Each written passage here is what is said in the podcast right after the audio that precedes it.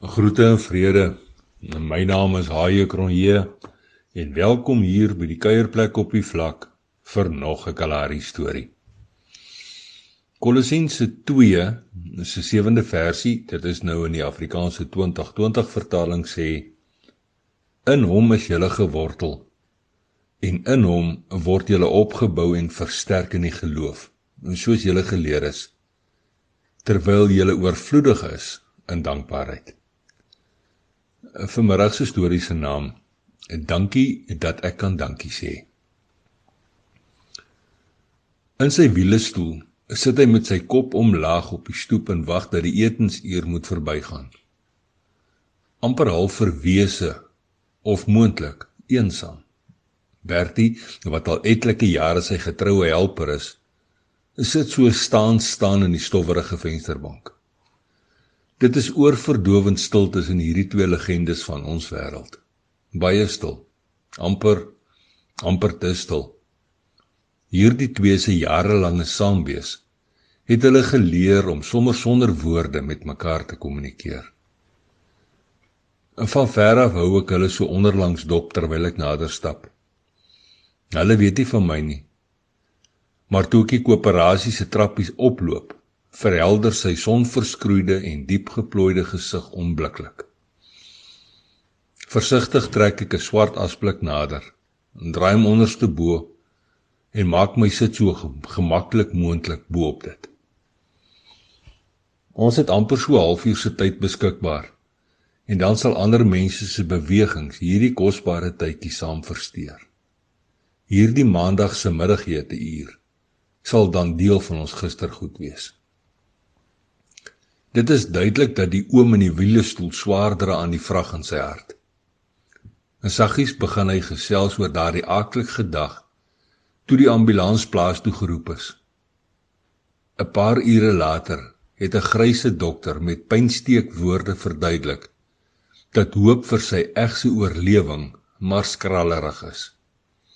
En so is hy 'n dag of wat later oorlede. Hy haal diep asem kyk wyd oor die verlatenheid van die vlak en vertel weer van daardie wrede hartseersdag toe hy haar met 'n kragtelose handwaai vir die laaste keer gegroet het. En dit is nou terwyl rooi bruin kalari stof wat uit haar graf opdwarrel sy nat gehuilde wange vuil kleur. En soos 'n oorloop tank stroom jarelange se hartsverlange uit sy binneste binne om verstrengel te raak in dankbaarheid.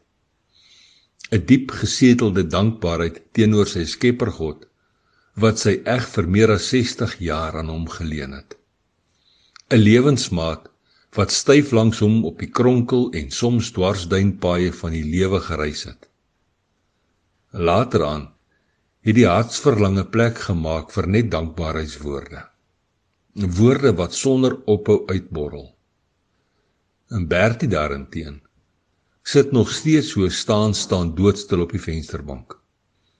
Ook hy is besig om terug te loop op uiters spesiale gisterpaaie. Gisterpaaie waar die dankbaarheid om te kon spore los groter is as enige onthou.